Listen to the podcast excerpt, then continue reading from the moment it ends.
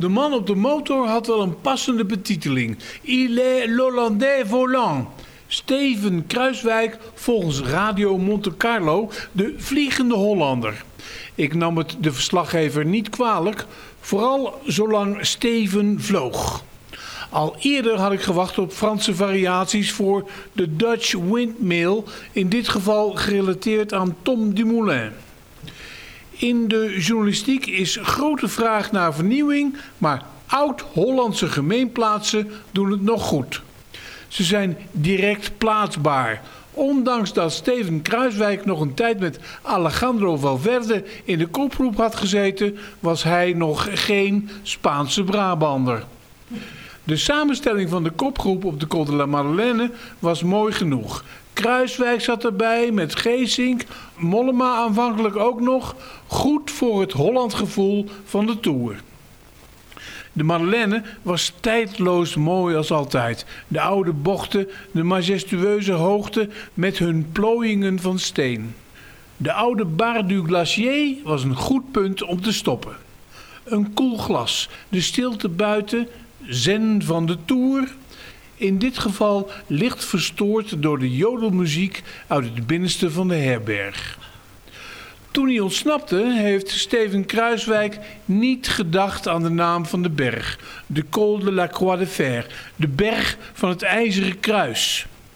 Op Radio Tour hoorde ik hoe zijn voorsprong opliep. 15 seconden, 35, 40, 1 minuut 40. Op de Croix de Fer keerde ik in precies dezelfde richting terug naar 19 juli 1989, etappe 17, Briançon-Lau d'Huez. Gert-Jan Teunissen was er op de Galibier vandoor gegaan en zwoegde door in bollentrui.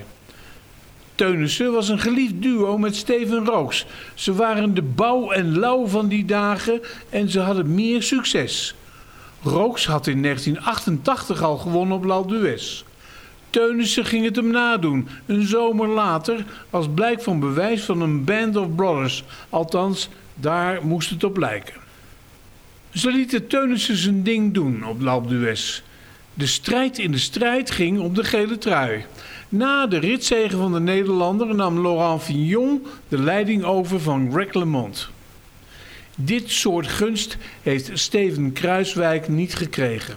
Er was nog genoeg te regelen voor het klassement, maar ook voor de vreugde van het vaderland, de dronken Hollandse bochten voorbij. Nog was Dumoulin erbij om voor het eerst na Teunissen te zegevieren. Het lukte niet. Toen alle interviews voorbij waren, liep ik nog even op met Dumoulin. Wat betekende dit alles voor de rest van de Tour? Niks, zei de Limburger. Ik herinnerde me eraan hoe ze op de Alp met z'n vieren even naast elkaar hadden gereden. Een vorm van gelijkspel? Nee. Thomas is nu de sterkste. Daarna komen Froome en ik, zei Tom. Nu wist ik het zeker. Deze Limburger had een plan. In de file naar beneden reed ik met open raam een groep benevelde Nederlandse fans tegemoet. Toch wel een held, Kruiswijk, opperde ik tegen een van hen. De aangesproken jonge man keek me licht verward aan en zei: Kruiswijk, verdampt wat een homo.